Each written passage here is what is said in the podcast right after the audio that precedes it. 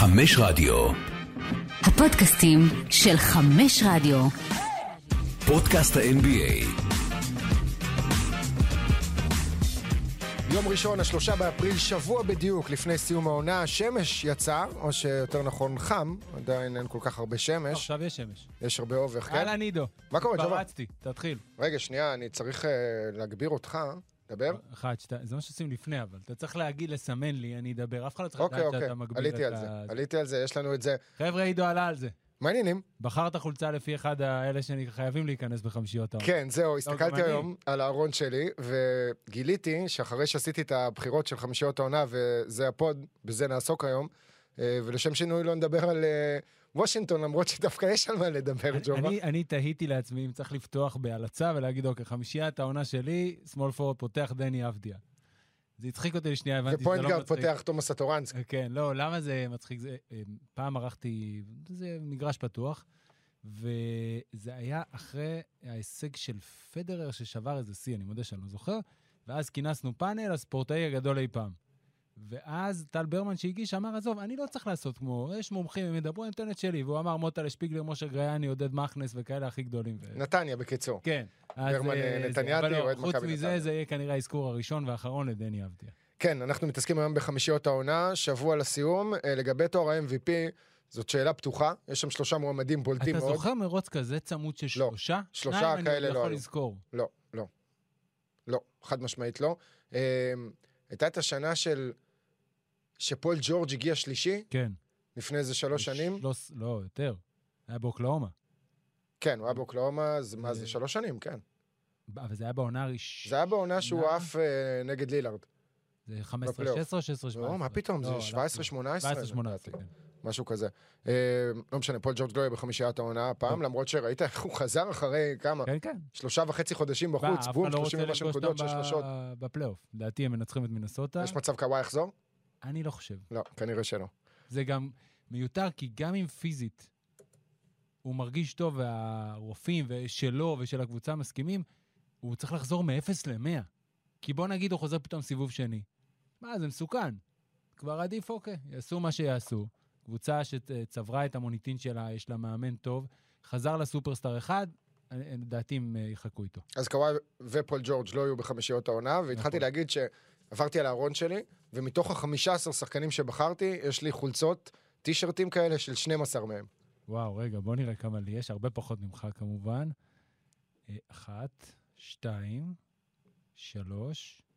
זה משנה אם זה מהקבוצה הנוכחית או הקודמת? אה, מפרגן לך. ארבע, חמש, שש, שבע. אה, שבע. חשפת דו- עכשיו מה, שיש לך חולצה של לברון מקליבלן או של... לא, לא, לא, דו... רק דורנט יש לי מאוקלאומה סיטי. אוקיי. דווקא כל האחרים יש לי מהקבוצה, מהקבוצה הנוכחית. טוב, יאללה, שוט, נתחיל עם חמישיות העונה, חמישייה הראשונה, ומשם אה, נרד למטה. אוקיי, אז תן לי להגיד משפט פתיחה. אמרתי, רגע, אני רוצה לרשום לי את כל השמות לפני שאני מתחיל לסדר חמישיות, ואני מודה שעם כל זה שזה היה קשה, בקושי השחקן ה-15 היה לי מאוד בעייתי. אני מודה שבחרתי, הוא בחמישייה השלישית, אבל בחרתי במישהו שאני לא שלם עם זה. לא שלם עם זה בכלל, אני מבין למה מגיע לו הקרדיט, ויש פה איזה משהו רציונלי שהוא כנראה צריך להיות עוגרד בחמישיות העונה, אבל אם לא היה בזה כל, אתה יודע, שאתה מחבר את הסטטיסטיקות ו- והדברים שהוא עושה ומוביל בהם, אני לא חושב שהוא הוא צריך להיות בחמישיות העונה. אז זה אחד. דבר שני, אה, אני ובן, בן גרוס, הבן שלי, אה, לא, אה, נתתי לו לבחור חמישייה אחת, וחפפנו בארבעה מתוך חמישה. אוקיי, אוקיי. צרות עכשיו- בבית משפחת גרוס. כן, לא, אבל הוא, הוא בחר בצורה שלא יכולתי להתווכח איתו. עכשיו בוא רגע נשים את הדיון העקרוני על השולחן לפני שנפתח בחמישיות, והאם אתה בבית אה, שמאי, שזה המחמיר לדעתי, ואני בבית הלל לגבי יוקיץ' ואמביט באותה חמישייה. אני בבית שמאי. אני יודע. אז בוא נתווכח רגע על זה. רגע, אתה חושב אחרת? אני כן. כן? אתה מכניס את. יוקיץ' ואמביד? כן. למה, מה קרה שנה שעברה שלא עשית את זה באמת- והשנה כן? תראה, אני מאוד מאמין בעמדות ובלא לעשות יותר מדי, וברור לכולם שיוקיץ' הוא לא פאור פורד או אמביט, לא משנה איך אתה מסדר את זה, אבל הם באמת שניים משלושת השחקנים הכי טובים בליגה. אז אם ככה, למה אנחנו לא- למה אנחנו לא בוחרים את אה, החמישה הכי טובים? זה כבר דיון אחד, אני לא, לא מסכים איתך, אבל פה, אם הרשות של הליגה ניתנה, אז הפעם אני לוקח אותה. אז אני ארכאי, מיושן, ואני נשאר עם הפורמט של חמישיות ברורות, עם אה, שתי עמדות קו אחורי, שתי עמדות אה, פורורדים ועמדת סנטר אחת. ובחמישייה אוקיי, אז בוא בוא נתמקד בסנטר, כי ש- מי בחרת לשים בסנטר? הראשונה. אני הקלתי על עצמי. אוקיי, אז נתחיל בזה שאמרת בעצמך שהמרוץ לתואר ה-MVP צמוד, אז מן הסתם הפרונט ראנרים זה אמביד ויוקיץ', שעכשיו לא, לא, בשבועות להגיד, האחרונים, זה- גם יאניס, כן. לגמרי. לא, למרות שיצא, ראית את הסקר הזה של ESPN? ראיתי. אה, יפה, אז הסקר הזה בשלוש שני. השנים האחרונות, יוצא שניים, יוצאים שניים בעונה. בתחיל, בשליש הראשון. לא, זה. השלישי, יוצאים אה, שלושה. שלושה, אוקיי. שלושה, הקודם יצא רגע לפני רגע לפני האולסטאר, שקיעה, כן. גם.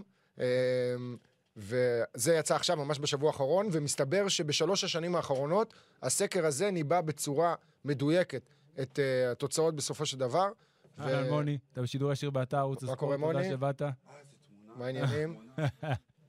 כן, מוני אה, מוני, אוהבים אותך, מוני. העורך שלנו, נכנס ככה וקטע את קו המחשבה. מספר אה, אחד. אחד ממספרי האחד. כן, אחד. יש לנו איזה שלושה, ארבעה מספרי אחד כאן. אורחים, איפה הייתי? בלבל אותי. היית ב... רגע, אתה בית שמאי, אתה ארכאי, אתה... אה, אוקיי, שהמרוץ, אוקיי. אה, הסקר ניבא. הסקר, הסקר ניבא את התוצאות הסופיות בסופו של דבר, בשלוש השנים האחרונות, ויוקיץ' מנצח. הוא קיבל לדעתי 52 אחוזים אה, למקום ראשון. מקום ראשון, נכון. אמביד קיבל 29 אחוזים מקום ראשון, ויאניס קיבל 9 אחוזים. נכון. אז למרות שיאניס נותן איזושהי אה, ריצה כזאת מטורפת, כולל ניצחונות על היריבות העיקריות שלו במזרח וגם לתואר ה-MVP, עדיין כשאתה מסכם את כל העונה, יכול להיות ש... אתה יודע מה, תכף נצלול למספרים וגם נבין למה. בכל מקרה, בהקשר הזה של אמביד את יוקיץ', אני נטיתי לכיוון של אמביד. עד לשבועיים האחרונים. למה? למה השנה כן? שנה שעברה הכנסתי את יוקיץ' לחמישיית העונה הראשונה ואת אמביד לשנייה. אה, והסיבה היא שאמביד משחק יותר משחקים. והוא כנראה ישבור את שיא המשחקים שלו לעונה אחת ב-NBA, הוא שיחק עד עכשיו 63 משחקים, או שהיה עוד משחק בלילה שפספסתי. יכול להיות, הם כן. לא שיחקו בלילה, הם לא שיחקו בלילה? לדעתי לא. לא, הם שיחקו אתמול, הם פירקו את... אה, אה, נכון, את שרלוט. הם ניצחו איזה 30 הפרש. 144, הוא שיחק. 114. אז לדעתי כבר 64 משחקים, שהוא משווה בעצם את השיא שלו בקריירה שהוא נכנס לליגה ב-2014. זו העונה השמינית שלו בעצם, אבל שנה, שנתיים וחצי בערך הוא כן. עד שהוא התחיל לשחק. לא משנה, בקיצור, יש פה אה, זה, דברים מעודדים וחיוביים מבחינת העמידות שלו, גם בלא מעט משחקים שהוא אה, פספס, הוא בכלל אז קיבל זה מנוחה. הטייברייקר מה שעשה לך את זה. רגע, זה לא ה tiebreaker, זה מה שגרם לי להיות בכיוון של אמביד. כי ברגע שאתה בוחר אותו לחמישיות עונה, אתה מצהיר שהוא ה-MVP. לא תכניס את יוקיץ' ומחר תגיד שאמביד ה-MVP.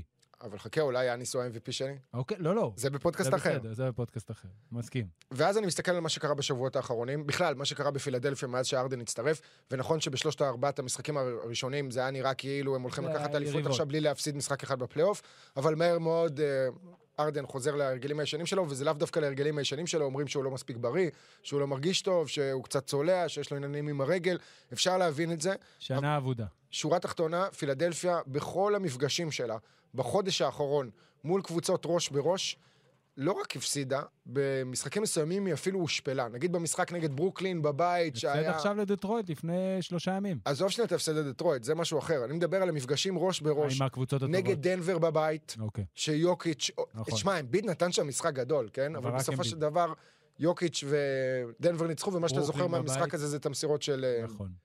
יוקיץ'. ברוקלין בבית שנגמר 20 ומשהו הפרש ולא הייתה תחרות בכלל, והמשחק הנוסף היה נגד, נגד, נגד, נגד מי הם הפסידו בצורה... ווקי, עם הגג של... אה, נגד, נגד מילווקי, עם הגג של יאניס נכון. על אמביד. אז כאן אמרתי, אוקיי, רגע, שנייה.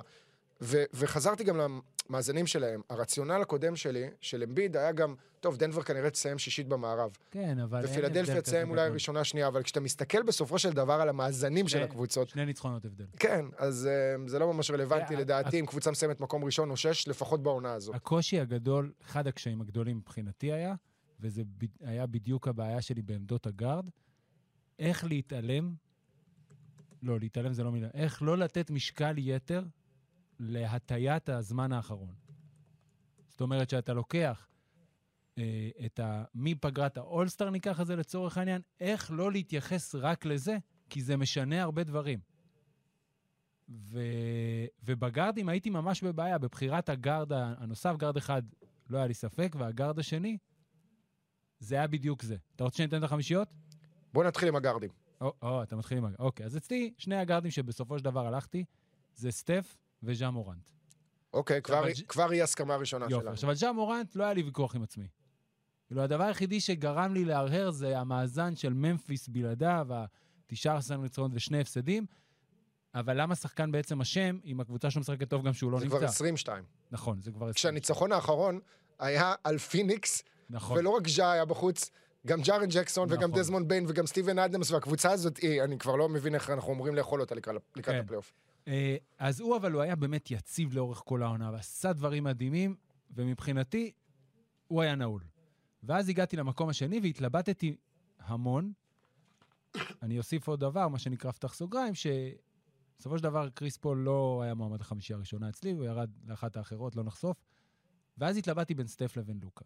וסטף ולוקה זה בדיוק העניין של ה-recency bias, כי סטף התחיל מדהים, ואז צנח עד הפציעה. לוקה התחיל קטסטרופה, ועולה ב- מאז פגרת האולסטאר, בטח בחודש מרץ, ובאמת חזר להיות הפנומן שכולנו מעריכים, אוהבים, ראינו פה באירופה, ודאלאס מנצחת ומתקדמת למקום השלישי. אז שקללתי את ה... כבר ירדה לרביעי בחסותה של וושינגטון. נכון, אבל אה, הגיע כבר לשלישי. תגיע לרביעי, יכול להיות שתסיים שלישי, זה מאוד צמוד שם. אבל, ואז שי האוזמן, ב- ב- התייעצתי עם חבר טלפוני, ואז הוא אמר לי משפט שאימצתי, והוא באמת נכון. שסטף, אה, אומנם לא בסדר, אבל כשהוא היה במיטבו, זו באמת הייתה חוויה. בתחילת העונה, לדעתי זה היה את ה... הקלטנו פה, אה, פה אחד הפרקים, פודקאסט ה-NBA עם רועי צוקרמן, שאתה היית באחד המסעות שלך, ואמרתי שצריך להמציא קטגוריה, אני חושב שסיפרתי גם לך. כמו שיש הוקי אסיסט, סקנדרי אסיסט, צריך לסטף קרי להמציא קטגוריה שלו שנקראת מושן אסיסט.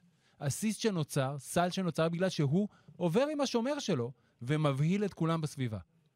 והוא היה נראה נהדר והם ניצחו ושיחקו טוב, ולעומת זאת לוקה, שהיה על הפנים, הוא היה על הפנים. מהמשקל העודף, לכל העימותים עם השופטים, לכל העובדה שהוא היה נראה באמת לא מספיק טוב, ולא, הבנת, ולא הבנו, אני גם לא הבנתי, למה אני אומר הבנו? אני לא הבנתי, איפה לוקה, אתה יודע, שהיה רק בקו עלייה, כל הזמן. אז עכשיו זה לא ככה, ולכן בסופו של דבר החלטתי להכניס את סטף לחמישייה הראשונה. אז קודם כל, גם אצלי, סטף בחמישייה הראשונה של העונה, וזה חוזר למה שהוא עשה בתחילת הדרך.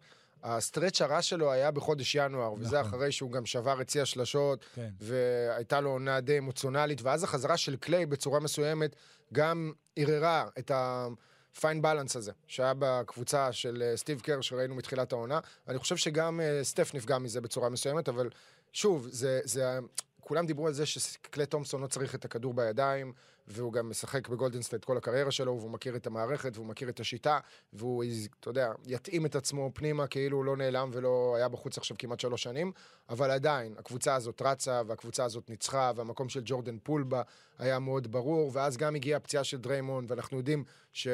אין שחקן שיותר מחמיא לסטף קרי מדריימון גרין, עם כל הכבוד לקליי תומפסון, ועדיין, משחק לפני הפציעה שלו היה על 47 נקודות. כן, מה שגם הרגיע אותי, זה שהלכתי והסתכלתי בעמודת ה-true shooting percentage, ונכון, היה לו את ה... אה, הוא פתח את העונה מדהים, בחודשיים מעל 60% ב-true shooting percentage, ואז חודשיים היה באמת בצניחה, כמו שהזכרת, חודש ינואר, ובפברואר, במרץ, לא בהרבה משחקים, אבל עדיין המספרים שלו נסקו יותר להתחלה. זאת אומרת, הוא סיים את, אה, עם 65% true shooting percentage את המשחקים בפברואר-מרץ. הרבה בזכות העונשין שלו, אבל. נכון, אוקיי. מספר אחת בליגה בעונשין. ועדיין, הוא, הוא באמת על השנה הזאת, לא נשכח שבתחילת העונה, לא היו כאלה, שמו אותו בטופ שלוש של ה-MVP, במרוץ ל-MVP. לא, בחודשיים הראשונים כולם דיברו על זה שהמרוץ כבר הוכרע. הוכרע. שסטף לקח את תואר ה-MVP וזה גמור, אבל בסופו של דבר, כשאתה מסתכל על המספרים שלו, אז הוא שיחק ב-64 משחקים, ממוצע הנקודות שלו עומד על אה, 25 וחצי, קצת ירד, כן, שוב, הכניסה הזאת של קליי, הפציעה של דריימון גרין, זה השפיע עליו, הוא גם ככה לא שחקן שלוקח על עצמו 25 זריקות למשחק, אה, לוקח 19. כן? שרובן כמובן מחוץ לקשת, זורק הכי הרבה לשלוש בליגה, היחיד שזורק מעל לעשר זריקות, והוא זורק כמעט 12, גם קולע הכי הרבה בהתאמה, כן. כמו שאמרתי, מקום ראשון בליגה. אז מי הגארד השני? במה אנחנו, בעונשין- במי אנחנו לא חופפים? והוא שם, במי אנחנו לא חופפים. הגארד השני שלי זה מי שבאת עם החולצה שלו היום, אוקיי. לוקה. אני חושב שהתחילת עונה שלו היא לא הייתה כזאת קטסטרופלית ברטרוספקטיבה. המספרים שלו אמנם... במושגים שלו בלבד. כן, שוב, זהו, זה במושגים שלו, אבל כשאתה משווה את זה לשאר הליגה, איך ראיתי איזה תרשים כזה, של... שמחלק את החודשים, איזה לוח שנה כזה, של אה, לוקה, שבהתחלה כתוב, אוי, הוא שמן, אין לו מושג, הוא כבר לא... הוא סוס מת, ואז ה- כאילו החלק השני, וואו, הוא מתחיל להיות ממש ממש טוב, הוא מזכיר את מה שראינו בעונות הקודמות, ואז בחלק השלישי, תסגרו את הליגה, הוא השחקן הכי טוב בהיסטוריה של העולם הזה אי פעם, גם של הגלקסיה. אה, דונצ'יץ' הוא השחקן היחיד ב-NBA שמעמיד ממוצעים של קודם כל הוא בטופ 6 בנקודות ובאסיסטים. עכשיו, הוא היה יכול להיות קצת יותר גבוה, הוא שישי בנקודות, כן? עם, uh, בטוטל של הנקודות. אני חושב שבעצם עכשיו אני רואה שהוא חמישי בנקודות. היה פה איזה משהו אחר שהתבלבלתי איתו. אה, הוא שישי באסיסטים. אבל הוא השחקן היחיד בליגה שעושה מספרים של 25-8-8, והמספרים שלו זה 28 נקודות, תשעה כדורים חוזרים פלוס. שמונה אסיסטים כן. פלוס. אה, והדבר הכי משמעותי מבחינתי זה, שוב, כשאתה מסתכל על כל המאזנים עכשיו של הקבוצות בליגה, אז מיאמי ראשונה במזרח עם 28 הפסדים, מילווקי עם 29 הפסדים. שים את פיניקס ואת ממפיס בצד, שתי הקבוצות עם המאזן הכי טוב.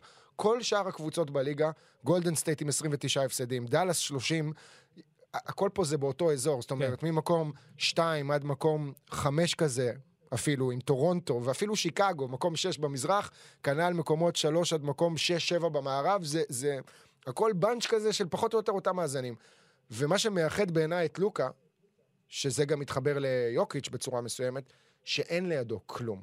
באמת שאין לידו כלום בקבוצה הזאת. עם כל הכבוד לדורן פיני סמית, שהוא אחלה שחקן משלים, וספנסר דינווידי שהצטרף ב trade הזה, והיו לו איזה כמה רגעים טובים ומוצלחים. טים הארדוויי ג'וניור, שאני חשבתי שיעשה קפיצה משמעותית העונה הזאת, אחרי שראינו אותו בפלייאוף של השנה שעברה, משתדרג נפצע, וגם בתחילת הדרך הוא לא נראה טוב, וזה היה חלק מהבעיות. אמ, אז כן, ג'לן ברנסון עושה אחלה עונה, והוא שחקן טוב, אבל לדעתי, אם לוקה לא בקבוצה הזאת, בניגוד לכל קבוצה אחרת בליגה, אפילו יותר מדנבר, זאת אומרת, קח את דונצ'יץ', לא, לא. את אמביד, לא את לא יוקיץ' מדנבר. ואת יאניס. תוציא את הארבעה האלה מהקבוצות שלהם, אוקיי? הם לא משחקים ב-NBA, כן, תשאיר את אותן. ארבע קבוצות, מילווקי by far כן. הכי טובה שם, ולדעתי דאלאס האחרונה שם. לא, מה. עידו. מה, עם דנבר? כל הכבוד, אה, דנבר, ברור. אני לא יודע. מונטה מוריס, אירון גורדון, ג'ף גרין. נכון שמהצד השני, דווייט פאוול, מה יש? קליבר, מה? לא, בסדר, אבל לדעתי, בדנבר זה הרבה יותר... אה, זה פחות טוב. אוקיי, בסדר, אפשר להתווכח על זה, אבל בסופו של דבר, גם כל בחירות העונה ובחירות לתואר MVP זה בחירות סובייקטיביות, כן? אה, בצורה מסוימת של אנשים שקובעים את זה, אה, וזה לא מתבסס על איזושהי נוסחה מתמטית עם מספרים, אז זה הגארד שלי. לוקה, עם כל הכבוד לג'ה מורנט, אני יש לי בעיה מסוימת עם ג'ה מורנט, אה, בכל מה שקשור למקום שלו בחמישיות העונה, ונגיע אל זה כשיגיע תורי לדבר? עליו. כמות המשחקים. אני לא מסתכל על המאזן של ממפיס בלעדיו, אני כן. כשעשיתי את הבחירות לחמישיות העונה, נגיד, אני הייתי גבולי מלא להכניס שחקן של מיאמי. אבל בסוף אמרתי שאני לא יכול, קבוצה עם המאזן הכי טוב במזרח, וגם... כן, אני בסוף לא הצלחתי. לא הצלחת? לא הצלחתי. לא, תשמע, בסופו של דבר זה עניין של כמות משחקים, אני מסתכל נכון. על מה שבטלר ואדיבאיו עשו. נכון. הם פספסו כמעט 30 משחקים כל אחד. כן, בדיוק, זו הסיבה שהדה-ביו, כאילו, נתתי את הסנטר השלישי, גם, הוא, לא- לא רציתי, אבל לא היה מי. ואמרתי, הדה-ביו חייב לי, אבל תשמע, 53... רגע, אז נכון. אתה יש לך בעצם ארבעה סנטרים, אני יש לי בסך ארבעה הכל. סנטרים. אוקיי, אז זה הגארדים שלנו, בואו נתקדם לפורורדים בחמישייה הראשונה. שלישיית הרצים, לדעתי, עם הבנקר, שלישיית הפרונט ראנרים ל-MVP, יאניס, יוקיץ' ואמביד. אוקיי, זה אצלך. אז אצלי, אצלי, אצלי. אצלי יש הבדל אחד. יאניס, אין על מה להתווכח בכלל. אה, שוב, יכול להיות שהוא בתואר- יזכה בתואר אז ה-MVP. מי אגב, שמת בפורוד? אה, בוא נעבור שנייה רגע חמישיית העונה הראשונה של 2021. כי אוקיי. יאניס היה שם יחד עם קוואי, עם סטף, עם לוקה ועם יוקיץ', ואם אתה הולך אחורה ל-2020, אז זה יאניס, לברון, ארדן, דייוויס, זוכר אותו? היה כזה. ולוקה דונצ'יץ', ואם אתה הולך אחורה ל-2019, יאניס, פול לוקה היה ג'ורג', גם לפני שנתיים יוקיץ'? הארדן, כן, שנת, וואו. שנתיים רצופות היו לו, הארדן וסטף קרי, ואם אתה הולך ל-2018, שם אתה לא מוצא את יאניס. אז יאניס בעצם, הוא ב, לא בחמישיית העונה הראשונה, כן? הוא נמצא כן, שם כן. בחמישיית העונה השנייה. אז בעצם יאניס בדרך לעונה חמישית רצופה, 18, 19, 20, כן. אה, חמישית רצופה בחמישיית העונה הראשונה, והדברים שהוא עושה הם בלתי נתפסים בעיקר. זה שהוא ממשיך להשתפר. אנחנו כל הזמן דיברנו על זה שאם הוא יקלע שלשות, אפשר לסגור את הליגה, אפשר לסגור את הליגה, הוא לא יקלע שלשות, לפחות לא ב volume גבוה ולא באחוזים יותר מדי גבוהים, אבל הוא כן שיפר את ה mid-range שלו, הוא כן שיפר את קבלת ההחלטות שלו, ויש שחקנים כאלה שאחרי שהם לוקחים אליפות ראשונה, כן, אז משהו משתחרר שם. נכון. זה מה שקרה גם. לפיניקס, דרך אגב, אומנם לא זכתה באליפות, אבל זה מה שקרה גם לפיניקס וגם למילווקי.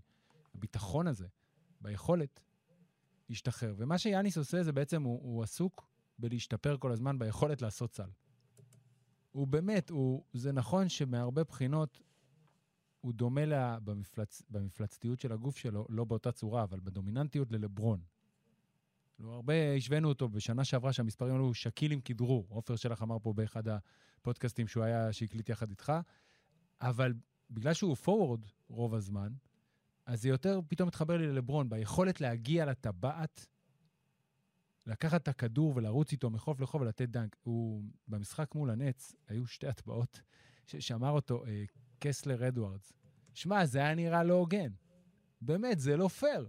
לא פייר. הוא עמד לידו, והוא לא, אתה יודע, ג'יימס ג'ונסון, אולי לא שחקן גדול, אבל הוא, הוא בן אדם חזק, שחקן חזק, אז הוא החזיק כמה position ים. אבל פתאום שמר אותו מישהו שנראה כמו שהוא היה שהוא הגיע לליגה, וזה פשוט לא פייר. פשוט עשה כדרור, צעד, והוא נתן דנק. גם במשחק נגד ממפיס שהם הפסידו, היה איזה רגע ששלושה, ארבעה שחקנים מנסים לשמור אותו ב post-up, והוא דורס את כולם בדרך לסל, והוא רק בן 27. זו באמת הסיבה המרכזית, זה שאתה יודע, יש הרבה שיחות מסדרון, ואני רוצה לדבר כמובן דרך, אה, תוך כדי הפודקאסטים, מי תיקח אליפות.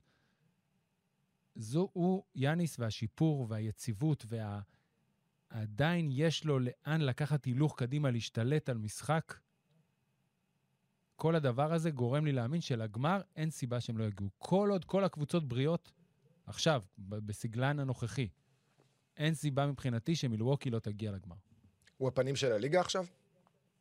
מי. יהיה הפנים של הליגה? נניח זה לברון, אוקיי? אוקיי. מי אמור להחליף אותו כשלברון יפרוש? כרגע יאניס. יאניס, לא לוקה, אין פה תחרות. לא, גם באיזשהו שלב זה יהיה לוקה. כי יש הרבה, הרבה פנים של הליגה בדרך. נכון, יש הרבה פנים של הליגה, אבל יאניס אמר את זה בעצמו. שאלו אותו בפלייאוף שעבר באחת מסיבות העיתונאים, הוא אומר, חבר'ה, אני לא זכיתי בכלום. מי שלא זכה בתואר, לא יכול להיות הפנים של הליגה. ואני מאוד מסכים איתו. וברגע שהוא זכה בזה, אז כן, אז הוא הבא בתור. יכול להיות שמה שנקרא תקופת המלוכה שלו כפנים של הליגה, תהיה יותר קצרה, כי הרבה בא- באים. אבל כל עוד הם באים במספרים של העונה הרגילה ולא ייקחו אליפות, אז הם יכולים להסתכל עליו מאחורה. אני חושב שהרבה תלוי באמת ביכולת של מילווקי לעשות back to back, כי כשאתה מסתכל היסטורית, אה, אני על- לא חושב. אלופות back to back, אין יותר מדי כאלה, ואם יש כאלה, אז הרוב זה הלייקרס, או אה, לברון שעשה את זה עם מיאמי, אפילו סן אנטוניו עם כל חמש האליפויות שלה לא לא הצליח. לעשות back to back. כן. ויאניס בעצם מצטרף לרשימה כזאת של שחקנים שהם הגדולים ביותר, שלקחו שתי אליפויות רצופות, נניח חכים אלאג'ואן. אם חכים לא היה לוקח את האליפות השנייה עם יוסטון ב-95, הדיון עליו היה אחרת. לגמרי. אגב, שמעתי, אני כבר לא זוכר, איזה שלושה, ארבעה, חמישה פודקאסטים בימים האחרונים, כי חזרתי לרוץ הרבה, ו... יש שם את השיאים, אה, זה היה של בריין ווינדורסט, משהו שהוא אוקיי. כותב כתבה עכשיו מעניינת על השיאים שאי אפשר יהיה לשבור אוקיי. ב-NBA. אה, והוא דיבר שם על השיא של חכים בבלוקים. אתה יודע שהוא במרחק של איזה 1,300, רגע, אני אבדוק את זה אם אני זוכר נכון. מה שזה. 1,300 מהחסימות. 1,300 מהבא אחריו. חסימות מהבא אחריו, ודווייט האווארד, שהוא השני שם, הוא יותר קרוב למקום העשירי מאשר לראשון. מאשר לראשון. בסדר. אין ספק. ועוד לא- דבר שהוא זרק שם זה שאף אחד לא אה, ישבור את הממוצע חסימות של אה, מר קיטון. הייתה לו עונה של 5.3. 5.6, משהו כזה. שש, אוקיי. אה, לא 1,300, הגזמתי. אה, הקים עם 3,830, מטומבו עם 3,289, אה, לא כזה רחוק. וקרים עם אה, 3,189. יחסים קרים. טוב, עידו, אז חמישייה ראשונה. מי- רמדאן קרים, הייתי צריך למי להגיד. נתת את עמדת הפורוד? טה-טה-טה-טן, טנן, בפעם הראשונה בקריירה שלו, לדעתי. הוא נכנס לחמישיית העונה הראשונה, ג'ייסון טייטום. אוי, איזה... אתה מוטה. למה? כי אתה מוטה, כי אתה... יש לך איזה פטיש... כי פגשתי את אה, טייטום ב Five Guys לא, בשרלוט? לא, חלילה, לא חשבתי על זה. אתה מוטה מקצועית, לא מוטה ב... אתה, יש לך איזה... יש לי קטע עם טייטום. יש לך... אותו קטע שלך עם סטף באיזושהי נקודה? טייטום הוא אחד השחקנים האהובים עליי בליגה. כן, כן. שהיה מוצדק, כי לפחות היה לו מה שנקרא The Accolades, אבל עם כל הכבוד לטייטום, הוא לא ברמה של חמישייה ראשונה. אוקיי, אם רוברט וויליאמס לא היה נפצע עכשיו, היית רואה אותו לוקח אליפות על הפרצוף לא שלך ושל אין- יאניס אין ואמביט שום קשר בין וכולם. לקחת אליפות ללהיות חמישייה ראשונה. תראה. אליפות, קודם כל, זה פלייאוף, וזו עונה סבירה. יש בעיות עם ג'ייסון טייטום, וצריך לדבר עליהן. וראית לא. ראית את החשבון החדש שנפתח בטוויטר כתגובה ל StatMuse? לא, נפתח חשבון HaterMuse, אוקיי. שהוא חשבון נדיר, וגם אה, אני לא מאמין ש, שחיכינו, שכאילו לא הבנו שאנחנו צריכים את החשבון הזה. כי הוא נותן לך את כל הדברים הרעים אוקיי. המיוחדים ששחקנים. עשו. אז אה, הוא נתן שם נתון על טייטום, שבקלאץ' יש לו את האחוזים בערך הכי נמוכים כן. בליגה במספר זריקות גבוה. מצד שני, בפלוס מינוס הכללי של הליגה הוא מוביל. ואני חושב שמה שבוסטון עשתה נכון, בסדר, אנחנו צריכים להתייחס לעונה השלמה כמכלול, ולטייטום כבר שנה שלישית ברציפות, כשהוא בסך הכל בשנה החמישית שלו בליגה, יש איזושהי קפיצה כזאת בחלק השני של העונה, אני לא יודע אם זה קשור לסטמינה שלו, לדברים ששחקנים אחרים מתעייפים, והוא בעבודה על הגוף שלו, או תכונות פיזיות מיוחדות כאלה שנותנות לו סיבולת יותר גדולה, ומשאירות אותו, מצד שני יש פה סתירה, כי בקלאץ' הוא במספרים נמוכים וכולי, אבל אני חושב שמה שהוא עשה עם בוסטון זה, זה גם דבר מדהים, ויכול להיות שכן, אני מוטה קצת. היכולת של בוסטון להשתפר תוך כדי העונה לא הייתה קשורה לג'ייסון טייטום. הדברים שקרו שם, ג'ייסון טייטום דווקא באופן יחסי היה יותר יציב. הוא נהיה יותר יעיל קצת, זה נכון, אבל זה לא שהמספרים של... זה לא שבוסטון התחילה לנצח וג'ייסון טייטום עלה בעשר נקודות. קודם כל, בוסטון השתפרה ברגע שהיא הפכה להיות קבוצת ההגנה הכי טובה בליגה. זה הדבר הראשון. זה מה שהיה חסר לה. אוקיי, ואנחנו לא צריכים לקחת את זה בחשבון, כי הרי ברור, שאתה לא... ג'ייסון לא טייטום זה פול ג'ורג' style, נכון? איך? זה פול ג'ורג' style. זה שחקן two-way מאוד מאוד איזה מוכשר. two-way? הוא לא two-way בשום צורה. אתה לא מגדיר אותו כ two-way? לא. למה, הוא לא שומר? ברמה של פול ג'ורג', תגיד, איפה אתה חי? לא ברמה של פול ג'ורג'. הוא לא ב-20 שחקני הגנה הכי טובים בליגה.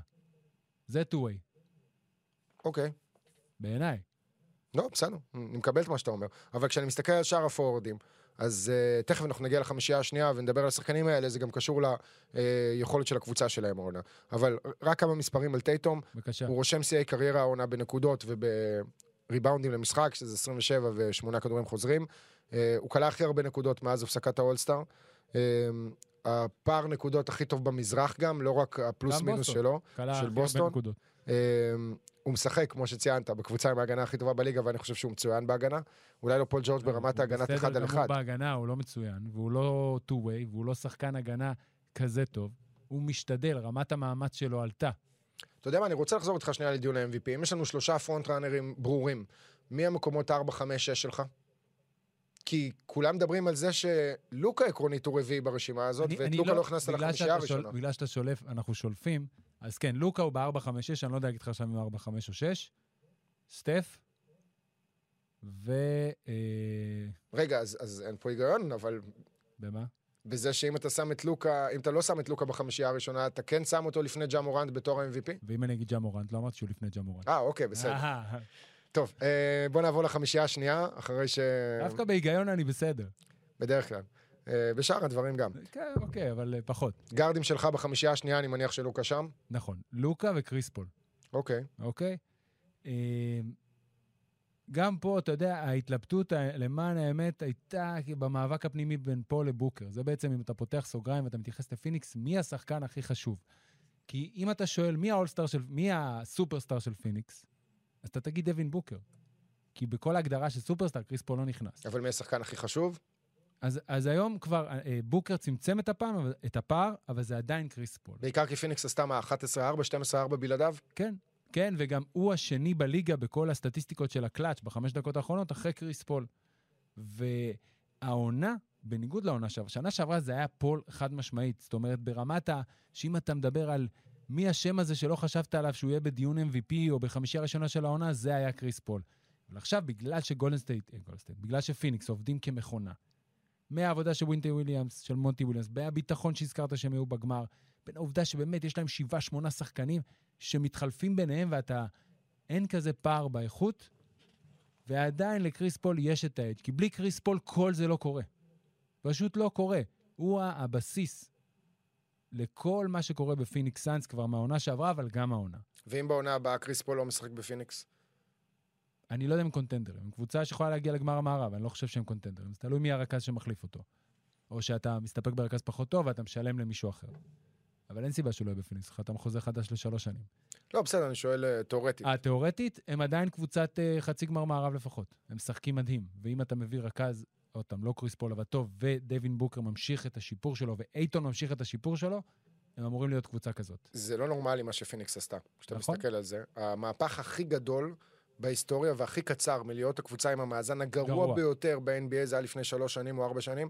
אה, 19, לקבוצה עם 20. המאזן לא, זה הבועה. אה, 20, אה, 18, 18-19.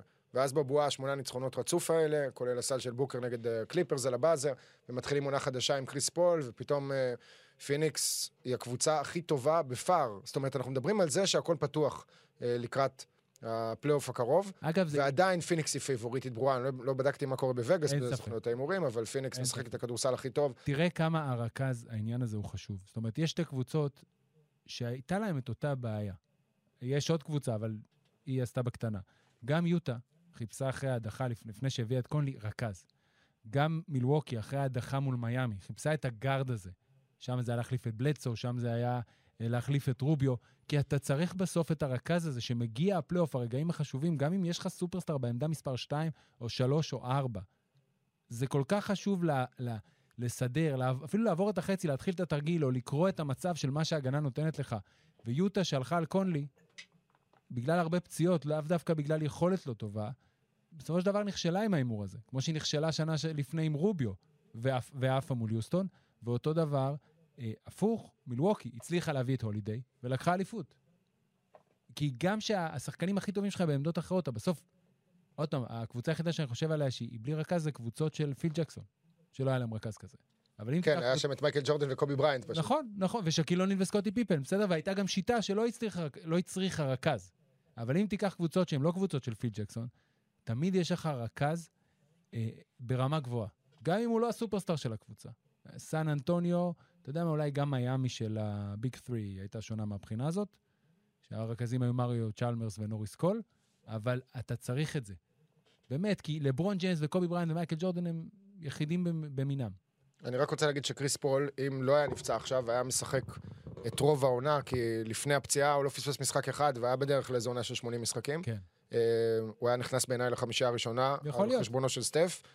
הוא פשוט פנטסטי, מדהים, היכולת הזאת בגיל הזה. בעונה ה-17 שלו בליגה, כולם מדברים על לברון בעונה ה-19. שוב, אני זוכר שדיברו על לברון בעונה ה-17, איזה דברים הוא עושה, אבל כאילו התרגלנו כבר מלברון, אז אף אחד לא מדבר על זה יותר מדי בהקשר של מה שמרשים קריס פול. אצלי זה פשוט היכולת בקלאץ'. גם הקלאץ', גם הוביל את הליגה באסיסטים בכלל. פיניקס, כשאתה לוקח את אחוזי ההצלחה כן. שלה הרגילים, לעומת אחוזי ההצלחה שלה בקלאץ', היא יותר טובה בקלאץ', יש לה נכון. איזה 85 אחוז אה, ניצחונות בכל המשחקים האלה שמגיעים לתוצאות צמודות. אז קריס פול הוא בנקר, אה, והוא מתחיל להפוך לשחקן הגדול בכל הזמנים שלא זכה באליפות. בהנחה שהוא לא יזכה גם העונה. למה שלא יזכה? לא, יכול להיות, אתה יודע. יש סיבה. יש פלייאוף, מה זה אין סיבה? יש קבוצות שצריך לנצח בדרך, כן? אני אומר לך עוד זאת הסיבה. שלוש סדרות במערב, ועוד אחת בסופו של בגמר. דבר, אם כולם בריאים, אנחנו לא יודעים זה, אנחנו יודעים שהפציעות יגיעו, אבל אם כולם בהכי טוב שלהם, אוקיי, פיניקס צריכה אה, לקחת אליפות. יפה, אבל כאן, כשאתה מדבר על קריס פול, אז צריך לזכור שבעונה שעברה, בדיוק בנקודה הזאת של הפלייאוף הוא נפצע, והחמיץ משחקים נגד הלייקרס, למרות שפיניקס הצליחה. להסתדר. הוא חזר, אבל עדיין, היה קצת בבעיות עם הכתף, ובאיזה כמה. משחקים עם הכדרור, והיה לו גם את הקטע הזה שהוא נדבק בקורונה פתאום בגמר כן, מערב, נכון. ופספס איזה משחק, שניים, אני כבר לא זוכר. אמ, ויש לו מזל רע, בדרך כלל, ברגעים האלה. אמ, גם כשאתה חוזר למהלך המנצח של game 6 בגמר, אחרי שפיניקס כבר הובילה 2-0, אז יש לך שם את אמ, האיבוד כדור של קריס פול כן. להולדיי. אתה מבחינתך... הוא- הוא שיחק את כל המשחקים בגמר? כן. היה שם כן. איזה משחק שהוא פספס, שאייטון ובוקר התחילו מטורף, ואז אייטון עשה שתי. עבירות במשחק במילווקי? תבדוק. אתה אצלך הוא הרכז הכי גדול בכל הזמנים? כאילו, ברור שלא, אבל רק אצלך. לא, מה פתאום, מג'יק ג'ונסון הוא הרכז לא, הכי גדול בכל הזמנים, מה יש לך? במקום שני, אף אחד לא... זה הדבר היחידי שאנחנו לא נריב אף פעם, זה מי הרכז הגדול בכל הזמנים. כי אתה, בגמר אני לא יודע, אני צייצת, חושב שזה התומאס. אם אני זוכר נכון, אתה צייצת שהוא הכי גדול, כאילו, לא, צייצתי שהוא top שלושה. top שלוש. כן, יש לי. את זה מגובה בפוסט באינסטגרם שהעליתי. אה, אוקיי. טופ. שלוש אני יכול לחיות. אני חושב שזה מג'יק איזאה וקריס פול. כן, אני, זה גם הרשימה שלי. אתה מסתכל קדימה לעתיד, ואולי יש פה כמה שחקנים שמשחקים עכשיו בליגה שיעברו אותם. אני מדבר נכון להיום. נכון יודע. להיום, כן. שבגדול, מה שהדבר המרכזי מבחינתי, תראה, יש אנשים שיגידו ג'ייסון קיד, אוקיי, יכול, יכולים, גם יכולים להגיד גם סטיב נש, הרבה שמות. סטיב נש הוא גם אחד מהפיבוריטים שלי בוודאות, והוא גם אחד מפס- מהגדולים שלו לקחו אליפות. אנחנו מפספסים רכזים שהיו באמת גדולים בעשור שלא ראינו עד הסוף. זאת אומרת, שנות ה-80 כבר יש לנו את זה, אז אתה יכול... על מי אתה מדבר? על אוסקר רוברטסון סטייל? לא, אני אוסקר רוברטסון זה רחוק מדי, אבל אתה יודע, יש לך... יש כל מיני. היה גס ג'ונסון, והיו כל מיני... אתה- בוב קוזי הוא לא, הוא לא פספס, הוא. שיחק את כל הגמר. קריס כן, זה מה שזה, כן. לא זכרתי שהוא פספס. שוב, מי שיורד אחורה בעצם בכל הדברים האלה זה ג'ון סטוקטון. ב- כי למרות שג'ון סטוקטון מחזיק בשיא האסיסטים ובשיא החטיפות בכל הזמנים, וזה שיאים שאף אחד לא ישבור אני חושב כנראה. שבתור רכז טהור, רק רכז. עכשיו, יכולות הרכז, מהו תפקיד הרכז? לא אליפויות, לא תארים, לא מספרים. ג'ון סטוקטון הוא מספר אחד. ושוב, כאן אנחנו נכנסים לעוד איזושהי סוגיה בעניין הזה, שזו סוגיה שהיא בלתי נגמרת. העמדות? סטף, וזה חוזר למה שאתה דיברת עליו בתחילת ה pod, על אוקיי, אנחנו רגילים לראות רכזים שמשחקים בצורה מסוימת, ויש פה אולי motion assist. זאת אומרת, נכון. הוא לא צריך, הוא, כשאתה מסתכל על מוסרי אסיסטים, סטף בכלל לא מתקרב שם לדו- בסדר. ל top 20. היום אני יכול, אבל תראה, היום אני יכול כבר לחיות ב... ב הוא רכז מסוג אחר הוא פשוט. רכז, אבל, אבל הוא רכז. היום אני כבר יכול לחיות עם זה. בהתחלה, לפני איזה חמש שנים, אוקיי, הוא שיחק בעמדה מספר אחת, אבל לא בטוח שהוא היה כזה. אני חושב שגם הוא התבגר, והרבה דברים במשחק שלו השתנו, והוא באמת יוצר בדרך אחרת. אבל הוא רכז. השחקן השני שלי בגארדים הוא דווין בוקר. השארתי קו אחורי כולו של פיניקס. אה. הייתה לי התלבטות, אני חושב שבוקר הוכיח השנה בלא מעט משחקים, גם בלי קריס פול, גם יחד איתו, נגד יריבות חזקות. בכלל, המאזן של פיניקס נגד כולנו, מדהים, נגד קבוצות מעל 50 אחוזי הצלחה, נגד קונטנדריות, לא הפסידו אחרי שהובילו שלושה רבעים. נגד קבוצות, כן, זה כמה זה? 30 ומשהו, 0? 40 ו... 31-0, משהו. כזה. 31? לא, אולי 40 ומשהו, אני כבר לא זוכר. לא, לא 40 ומשהו. אבל uh, זאת קבוצה, זאת קבוצת כדורסל מדהימה, ש... רגע, אז אתה היית עם סטף ולוקה בראשונה, ועם אה, דווין בוקר וקריס פול זאת בשנייה. אומרת, ז'אלו באחת משתי חמישיות העונה הראשונות שלי. פורורדים שלך בחמישייה השנייה? אה, לברון ודורנט. הופה, הופה, ג'ובה. עכשיו אנחנו ב sync. אוקיי. לברון ודורנט, על אף העובדה שאחד לא הולך לעשות play-in, ולא רק שהוא לא הולך לעשות הלוואי play-in, ולא יעשה play-in. אני לא בטוח שאתה צריך להתפלל לדבר הזה בתור אוהד הלייקרס. בגלל עניין מאוד... אה, אי פ- אפשר לראות את הקבוצה הזאת. לא, עזוב לראות או לא לראות את הקבוצה הזאת, לחשוב קדימה. מאיזה בחינה? אם הלייקרס אה, מחוץ ל play-in, כן, יש להם בחירה עשירית מובטחת, אה, מוב- מובטחת. top 10 מובטחת, ואז זה הולך. ואז זה הולך לניו אורלינס. כן. אז ניו אורלינס בשבוע האחרון עושה פה מארש טורקי.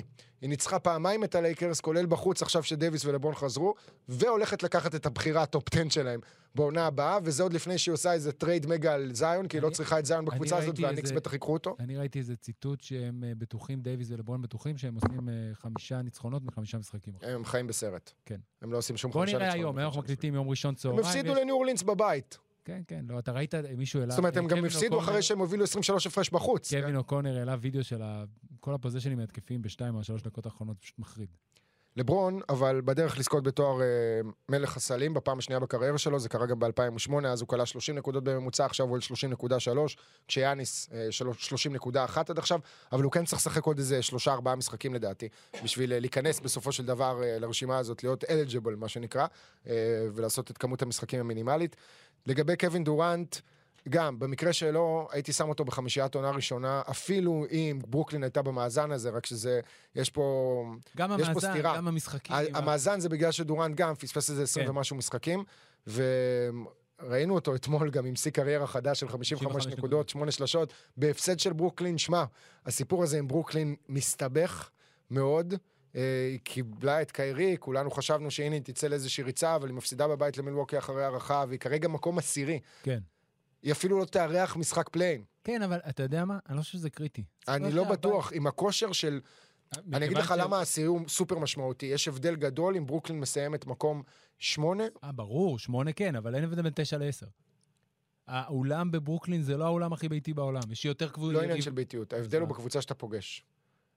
אבל תשע עשר אתה פוגש את אטלנטה. בשמונה אתה פוגש את קליבלנד. בסדר, אבל שמונה גם יש לך שני סיכויים לזה. שבע, שמונה יותר נכון. טוב מתשע, עשר בכל מקרה. כן, ברור. אבל אין כן. הבדל בין תשע לעשר. אני אומר, אתה פוגש קבוצות שנמצאות בכושר עכשיו. אטלנטה בטח, ושרלוט. אני- ושתי הקבוצות האלה ניצחו אותך עכשיו. שרלוט ניצחה את... אה, מה זה היה? את אה, ברוקלין במשחק שקיירי כביכול, כן. לא כביכול, שהוא שיחק משחק ביתי ראשון אה, העונה, ועכשיו נכון. אטלנטה ניצחה אותה הם אתמול. קבוצה עם חסרונות, הם משתדלים מאוד, ובסוף, דורנט יכול לנצח שני משחקים האלה לבד. לא צריך אף אחד, הוא יכול. זה נכון שזה לא עבד עכשיו, אבל דיברנו על זה בפרק קודם, וזה מה שאני אמרתי, העונה של ברוקלין וגם של פילדלפיה היא אבודה. היא אבודה. מה שנשאר להבין... רק שלברוקלין יש, אה, אתה יודע, אופטימיות לגבי העתיד, ברגע לא שסימונס יחזור. אני מדבר רק על העונה העונה הזאת. הזאת נראית גמורה. לא משנה אם היא תעבור את ה play-in או תעוף בסיבוב הראשון או תעוף בסיבוב השני, זה יהיה המקסימום שלה. אנחנו לא מאמינים שברוקלין יכולה בכלל לקחת אליפות או אפילו לעבור סיבוב. לא- יש לה בעיה קרדינלית עם כל המופעי קוסמות של קיירי אירווינג והמגה סופרסטאר של קווין דורנט. היא קבוצת הגנה חלשה מאוד. דטרויט חגגה עליה. אתה רואה קבוצות מהדרג התחתון, למרות שדטרויט, נפתח סוגריים רגע, נראית טוב בשלושה שבועות האחרונים. קייד קנינגהם נותן איזה פוש. סוף העונה... אפרופו MVP, כן. גם בתור רוקי העונה, עם הסיום הזה של קייד קנינגהם, למרות ש... לא, לא, די, דטרויט קבוצה. מפסידה וקליבלנד שמעתי ו... שמדברים על זה, שמעתי את זה בפודקאסט של... לא, אבל יש אה, לך שלושה שמות. יש שני שמות בלבד. לא, יש סקוטי בארנס מובלי, ועכשיו גם קייד קנינגהם. לא. אני, אפרופו, זה, זו... שמעת את ה mismatch? לא, זו, זה recency bias. אז ב mismatch ורנון נתן נתון. קייד קנינגהם בחודש מרץ שם ממוצעים של 23 נקודות, 7 ריבאונדים ו-6 אסיסטים. אתה יודע מתי הפעם האחרונה? מי היה הרוקי האחרון שעשה את זה בממוצע לחודש, מספרים כאלה? מייקל ג'ורדן.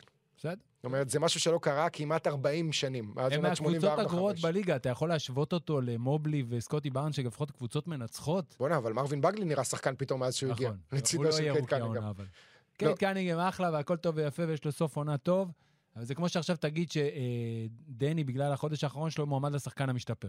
לא. יופי. בכל מקרה, דורנט ולברון אה, משחקים בקבוצות שאין שם כלום. אין שם כלום. עכשיו, אתה אומר לעצמך, רגע, לא, לא, שם דיברנו כלום. על דונצ'יץ' ויוקיץ', שמשחקים בקבוצות שאין שם כלום ומצליחים לעשות איזשהו משהו, וזה רק מבדיל את היכולת הקבוצתית ואת היכולת של יוקיץ' ודונצ'יץ' לשפר את הקבוצות שלהם לעומת אלה של לברון ודורן, שהם הרבה יותר עושים דברים בפעולות אישיות, ולברון...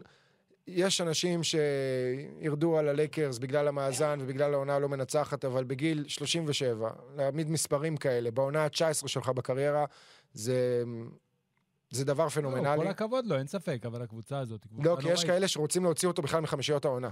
ראיתי איזה שהם דיונים הזויים כאלה. תראה, את- אתה יכול להבין את זה, כי באמת, אתה יודע, אם נגיד אתה מסתכל שנייה, עשיתי בהתחלה תרגיל ושמתי standing של כל הליגה.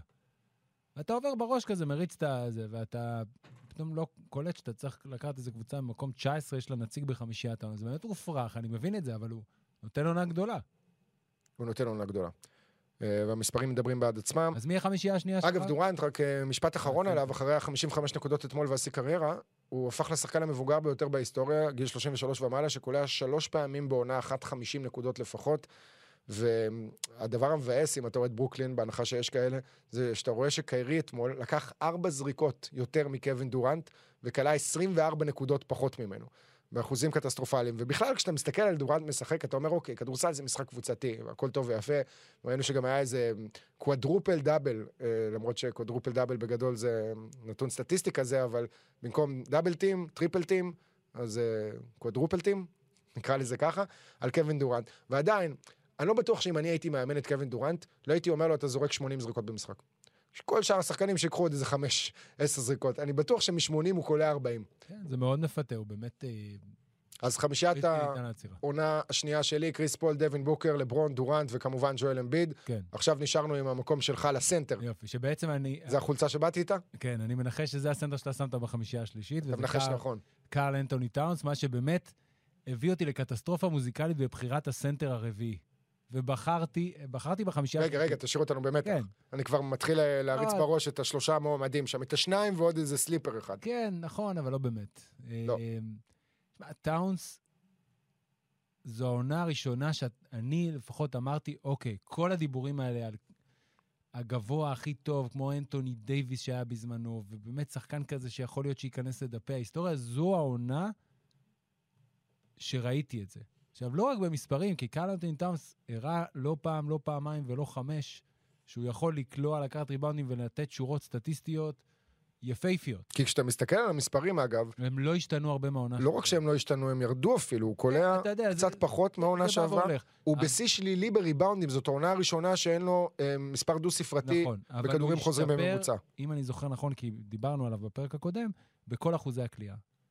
הוא הרבה יותר, אמנם זה לא כדורסל נטו, אבל כל מה שהוא עבר בקורונה, עם המשפחה שלו ועם מישהו איבד, גרם לו להתבגר יותר ולא להיות אותו מישהו שג'ימי באטלר רצה לרצוח באימון במינסוטה, כי באמת הוא לא היה מספיק בוגר. זה ופטריק בברלי. כן. שחקן השנוא על אתה- כולם, אבל אתה יודע, ואתה מוסיף את הכל ביחד, ובא דיאנג'ו ראסל שהוא חבר שלו, ופטריק בברלי ומה שהוא מוסיף, וקריס פינץ' שאי אפשר לבטל אותו ואיך שהוא הכניס, והקבוצה נראית טוב, כמעט הייתה מקום שישי, תסיים סביר להניח מקום שביעי. 60 נקודות לסנטר. היה לו משחק אמר- של 60 כמובן. השדרית קווים אמרה לו בסוף המשחק הזה, אה, ברבע השלישי קלטת 32 נקודות, מה? קלטתי 32 נקודות ברבע השלישי? הוא אפילו לא שם לב. ואין ספק שמעבר ליוקיץ' ואמביד, הוא באמת הסנטר הכי, יכול להיות שהוא יותר מוכשר אפילו משניהם, לא יודע, אפשר לדון על זה. אבל הוא, הוא הפך להיות שחקן שהקבוצה שלו מנצחת, שהוא מוביל אותה לניצחונות. וזה שם אותו חצי מדרגה מעל סנטרים אחרים. זאת אומרת, ברמה הזאת היחיד שיכול אה, אה, להציב לו תחרות זה במה דה ביו. אבל בגלל ששיחק רק 53 משחקים נכון להלילה, או 54, לדעתי 53, אז הוא נופל. הוא גם קצת פחות גבוה. כן, כן. בכלל, רק- כשאתה לא, מסתכל רק על באלמנט- השלושה רק סנטרים- באלמנט ה- סנטר של קבוצה מנצחת. אתה מסתכל על שלושת הסנטרים האלה, וזה הזן החדש. אלה דברים שלא ראינו לפני זה בליגה. שזה ביגמנים שגם יודעים להוביל כדור, ויש להם דריבל, ויש להם יכולות מסירה, אה, וקליעה כמובן, מחוץ לקשת באחוזים יחסית גבוהים. אה, כל השלישייה הזאת קולעת מעל ה-50 אחוזים. מהשדה. אלוף השלשות, נכון, שכחתי בכלל, שהוא אלוף השלשות. אה, הוא וגיא פניני. ומינסוטה, בעיקר מינסוטה, הרי למינסוטה, מאז שטאונס משחק בה, הוא נבחר ראשון בדראפט 2015, הייתה עונה אחת שבה הצליחה להגיע למקום השמיני במערב, ניצחה בלילה שבאותה האחרון עונה, בדיוק, דנבר, ואז הפסידה ליוסטון. שהיה קרב ראש בראש דנבר ומינסוטה נכון, מי שמנצחת. בפלייאוף, כן. זה כאילו היה play-in לפני שה play-in נכנס באמת. זה מה שאני חושב גם העליב כן, אה, נכון. את ה-NBA וגרם להם. להבין שיש פה איזשהו משהו מיוחד. אז אה, היה את הסדרה הזאת נגד יוסטון שציינת, 4-1 זה נגמר, נכון? כן. אה, ומעבר לזה לא ראינו את מינסוטה אפילו מאיימת על הפלייאוף, אבל השנה, שוב, היא עדיין לא בפלייאוף, כן? היא בעמדת play-in כרגע, ופול ג'ורג' אמור לפגוש אותה בסיבוב הראשון. מ- מכל הקבוצות ב play-in, במערב, יש אחת שנעולה שם, זה הקליפרס. במקום השמיני. במקום השמיני, כי נכון. מינסוטה עוד יכולה איכשהו לעלות למקום השישי. נכון, והם לא יכולים להידרדר לתשיעי. אבל אתה אומר לעצמך שגם אם הם הפסידו את המשחק הזה נגד הקליפרס, למרות שהם יבואו אליו פייבוריטים בענק, בטח במשחק ביתי, אז הם אמורים לעשות פלייאוף. מצד שני, ניו אורלינס, אתה לא יודע... כן, אתה לא יודע, הם יותר. מדי לא צפויים. אבל היא אמורה לעשות פלייאוף בשורה התחתונה, אני חושב וטאונס... שמינסוטה תפסיד לקליפרס במשחק הראשון של ה play-in, ויהיה מאוד מעניין לראות אותה במשחק השני, האם היא מצליחה להביא את כל העונה הטובה שלה בשביל לנצח במשחק הזה. אני חושב שהיא תעשה פלייאוף, אבל יהיה לה קשה מאוד. מול כן, לא, היא לא ממפיס, תעבור סיבוב. אה, או פיניקס, לא משנה מאיזה מקום היא תפיל ל play-in, אבל אה, בסדר, טאונס אצלך בחמישייה השנייה, אצלי כן, בחמישייה השלישית, אה, וזה מעביר אותנו לחמישייה השלישית ולגארדים שלך. אוקיי, אז אני שמתי את דווין בוקר, אוקיי. ואז שמתי את השחקן שלא רציתי לשים, וזה טריי יאנג. למה לא רצית לשים אותו? רגע, בואו נעשה סדר שנייה, אוקיי. כי אנחנו על אותם כאילו, שמות כבר, חמישה, וזה רק, אה, בסופו של דבר כשאתה מסתכל על השישה שלנו בחמישיות העונה, חמישה ברורים כאן. לא, לא, עזוב ברורים, אני ואתה בתיאום אה, מוחלט.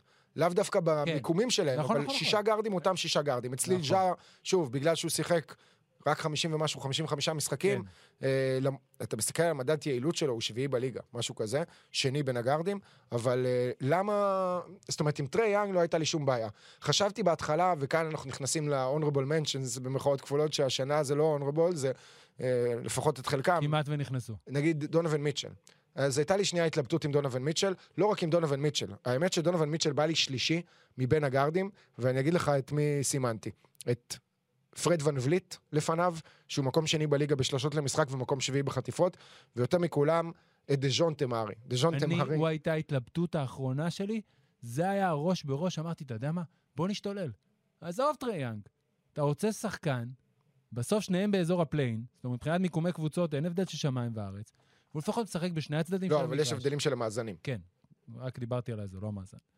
והוא הולך ומשתפר, והוא נבחר לאולסטאר, והוא עושה באמת דברים, ויותר קל לי, אני, מאוד קשה לי עם טרי יאנג. הוא מקום ראשון בליגה בחטיפות, הוא מקום שני בליגה בטריפל דאבלים, כן. אחרי יוקיץ' עם נכון. 13 כאלה, והוא מקום רביעי בליגה באסיסטים למשחק. בדרך כלל, שחקן שמעמיד מספרים כאלה, נכנס לחמישיות העונה, אבל שוב, כאן המאזן קצת יפגע בו לדעתי, כן. אמ, אבל זה, זה ויכוח לגיטימי. פשוט כשאתה מסתכל על טרי יאנג בהקשר הזה, אז הוא top 6 בנקודות, הוא top 6 בחסימות, הוא בחסימות. בחטיפות, באסיסטים. הוא מקום ראשון מבין הגארדים ביעילות לשחקן, ואטלנטה, שאני אישית חשבתי שהשנה... כולם אה, חשבו שהיא... תסיים עם המאזן השני הכי טוב ותיתן עונה... אתה קצת נסחפת כנראה? לא, בסדר, אתה יודע, ההערכות שלנו בתחילת העונה, לפחות בלייקרס, כשהלכתי על זה שהיא תסיים מקום חמישי במערב, אמרו לי פה, אתה משוגע, אתה... זה בכלל מדהים לראות עכשיו את, אה, כן, את ההתעסקות. את השבוע הראשון הזה של הלייקרס, שהקבוצה נבנתה, כשכולם הצטרפו. זאת אומרת שראסל ווסטבוק עבר בטרייד הזה, ואז לברון וווסטבוק ודייוויס והאווארד וכרמלו אנטוני וכל האולסטרים, ההופעות באולסטאר לשעבר, ומה מה נהיה מזה בסופו של דבר. אבל אה, טרי יאנג לוקח שם קבוצה פצועה, מבולבלת, למרות הריצה הטובה שלה בפלייאוף בעונה שעברה. אה, ג'ון קולינס בחוץ, ולמרות שהוא קיבל את הארכת החוזה, זה... האמת שלא למרות, לפעמים זה מה שקורה, שחקנים מקבלים את החוזה הגדול, אוקיי, הם יכולים עכשיו לנוח איזה שנה, שנתיים, כן. לא כזה קריטי. אה, בוגדנוביץ', in out בפציעות, דיאנדרה האנטר, in out בפציעות, קם רדיש, שהיה כביכול איזושהי הבטחה, הלך ועזב, וגם לא נראה טוב אה, באטלנטה, וגם סיים את העונה עכשיו בניקס. אה, קווין הרטר לדעתי קצת פחות טוב ממה שהיה בעונה שעברה. משהו שם לא התחבר, ועדיין טרי יאנג ואטלנטה זאת קבוצה שאני מבטיח לך שאף אחד במזרח לא רוצה לפגוש בפלייאוף. נורא קשה לי עם שחקן שקודם כל הוא משחק רק בצד אחד של המגרש. לא יעזור. כל האחרים, אתה יודע, ג'ייסון טייטום, אולי אנחנו לא מסכימים כמה שחקן הגנה טוב, אבל הוא משקיע והוא מנסה, ויש משחקים שהוא באמת שומר טוב. טרי יאנג לא קיים בצד הזה של המגרש. וכל הגארדים האחרים, תשמע, לוקה הוא לא שחקן הגנה גדול, אבל דאלאס, שהפכה להיות מאחת מחמשת קבוצות ההגנה הכי טובות בליגה, הוא כבר, הוא לא חור, והוא מנסה לנצל את כן מה שיש לו, והוא כן יוצא לרוטציות, ועומד בחוקים ההגנתיים של מה שג'ייסון קיד מבקש. הוא כבר לא שחקן הגנה ממש נוראי. ומכל, אתה יודע, סטף גם משתדל. סטף הוא קטן, כמו שטרי יאנג הוא קטן. זאת אומרת, יש דברים שלא תלויים בהם. אם מישהו יורד לפוסט-אפ עליו, אוקיי, אין לי טענה אליו. אבל הוא לא משת... אני לא רוצה להגיד לא משתדל, כן, הבן אדם עולה לשחק 80, 70, לשחק 72 משחקים, שזה כמעט יותר מכל שאר הגארדים, אבל זה פשוט עדיין לא שם. בהגנה, אני לא יודע אם זה בהגנה. יהיה שם אי פעם. לא, אבל ברמת המאמץ יותר, אתה יודע, לעשות דברים, לצפות דברים. אה, שוב, הגודל שלך הוא הגודל שלך. אבל יש דברים שאתה יכול לנסות יותר לעשות, והם פשוט קבוצת הגנה לא טובה, והוא שחקן הגנה לא טוב. אגב, יאמר לרעתו, ולוקה, שהם, אה, לוקה מוביל את הליגה באיבודים, וטרי יאנג מקום רביעי. כן. אבל שתי הקבוצות ניצחו את הטרייד. זה כן, מהמקרים כן, לא, זה, הנדירים זה האלה. התאים לפה וזה התאים לפה, הכל בסדר. אז בסוף ההתלבטות הייתה בין יאנג למרי, והרגשתי שמרי עדיין לא עושה אה, באמת מספיק אף, כדי להיכנס לחמישיות העונה, לא- לאף אחת מהן, והלכתי עם טרי יאנג וסימנתי אותו בכוכבית, כי הכנסתי אותו בלית ברירה. עוד שם שנזרוק. ונציין כדי שלא ייעלב, כי הוא שומע את הפודקאסט בוודאות, דריוס גרלנד, כמובן גם מקליבלנד. עליו חשבתי. כן, הוא היה שם בראש, כן, גם על גרלנד, גם על. מיטשל, גם על מה... ובסוף פסלתי אותם, כל אחד מהסיבות שלו, מיטשל. זה אחד השחקנים האהובים עליי בליגה מבחינת התנועה שלו, הוא מקום ראשון באחוזים בשלשות מכדרור, בפולאפים, אבל עדיין ירד קצת, גם בנקודות, גם בכדורים חוזרים, הוא עלה טיפה באסיסטים, אבל האחוזים שלו מחוץ לקשת, למרות שהוא מקום ראשון בפולאפים, ירדו בכמעט שלושה אחוז מהעונה שעברה, ובעיניי זאת אכזבה כשאתה מסתכל בכלל על הג'אז, ואתה רואה את היחסים שלו ושל רודי גובר, והפרצוף הזה שהיה לו אתמול, אחרי ההפסד נגד גולדן סטייט, שהג'אז כבר הובילו ב-21 הפרש, אתה מבין שיוטה בבעיה, אחרי שהיא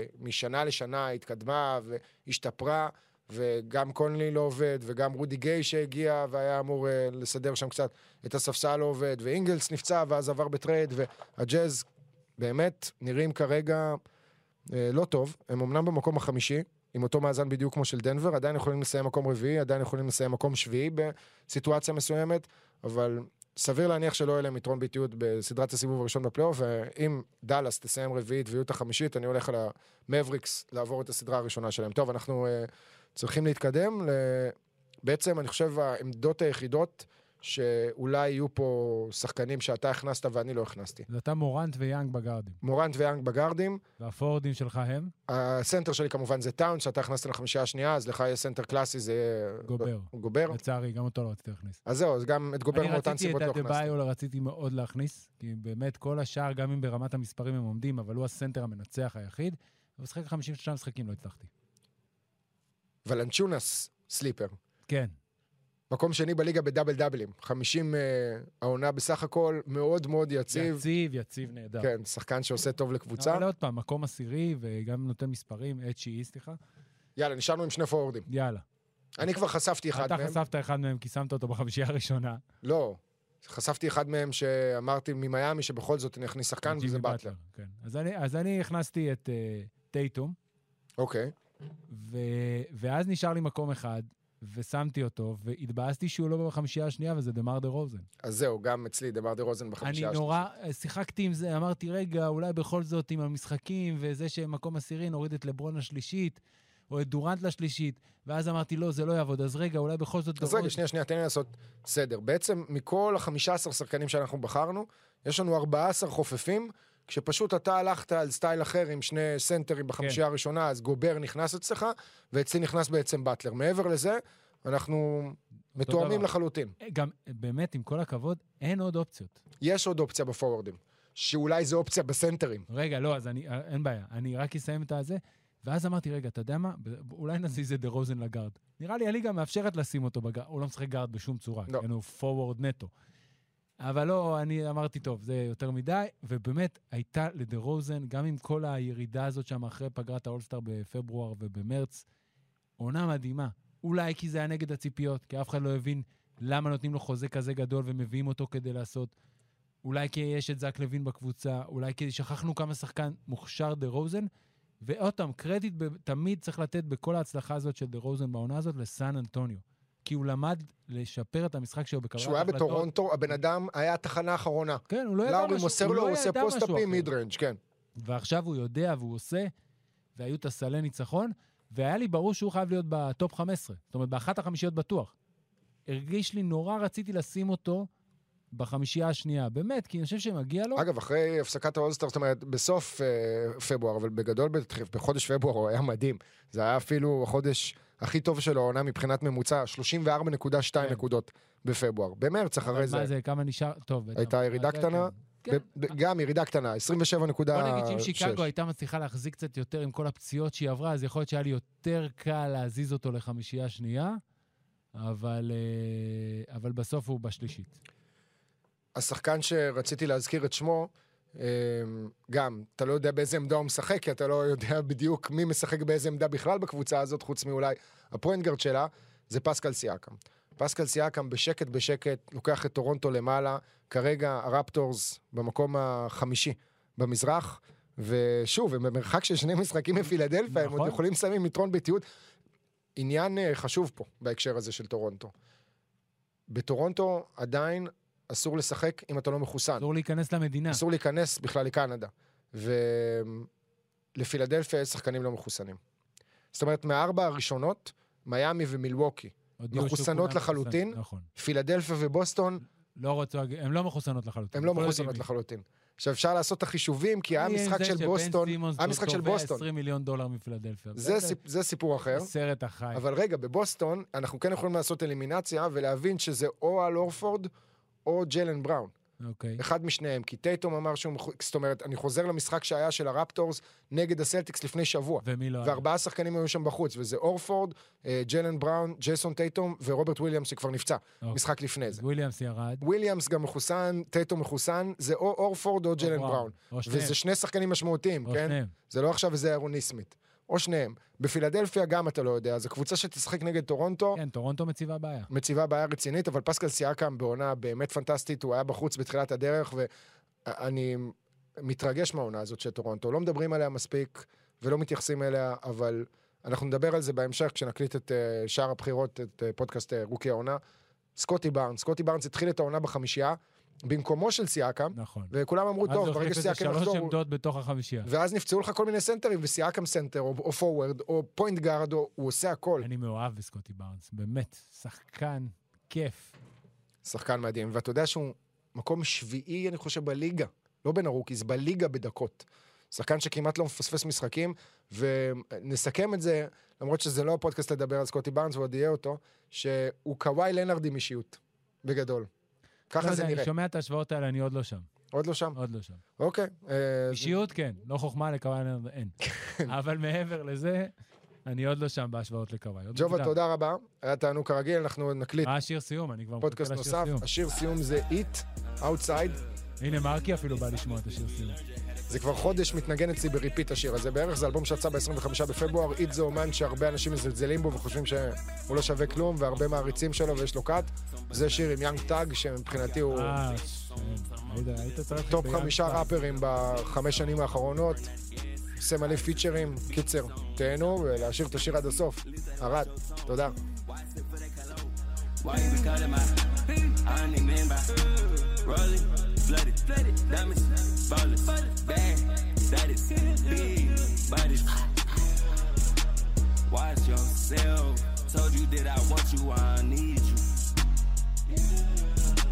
I could tell you don't got no money that shit see through. Huh? Outside. I'm just outside. I'm just outside. Yeah. And we turn up. Falling diamonds on me, bitch, my burners. I just caught up by my tweets and my brothers. Eh, yeah, we had put up on your wife, he said I love us.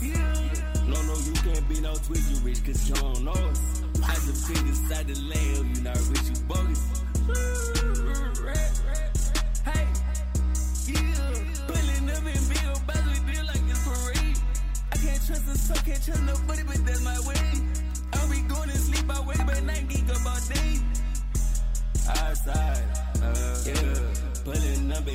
Bitch, we learned how to finesse. Uh, big buddy got a big song. So, two six on my song. The curb, pray you murder my song.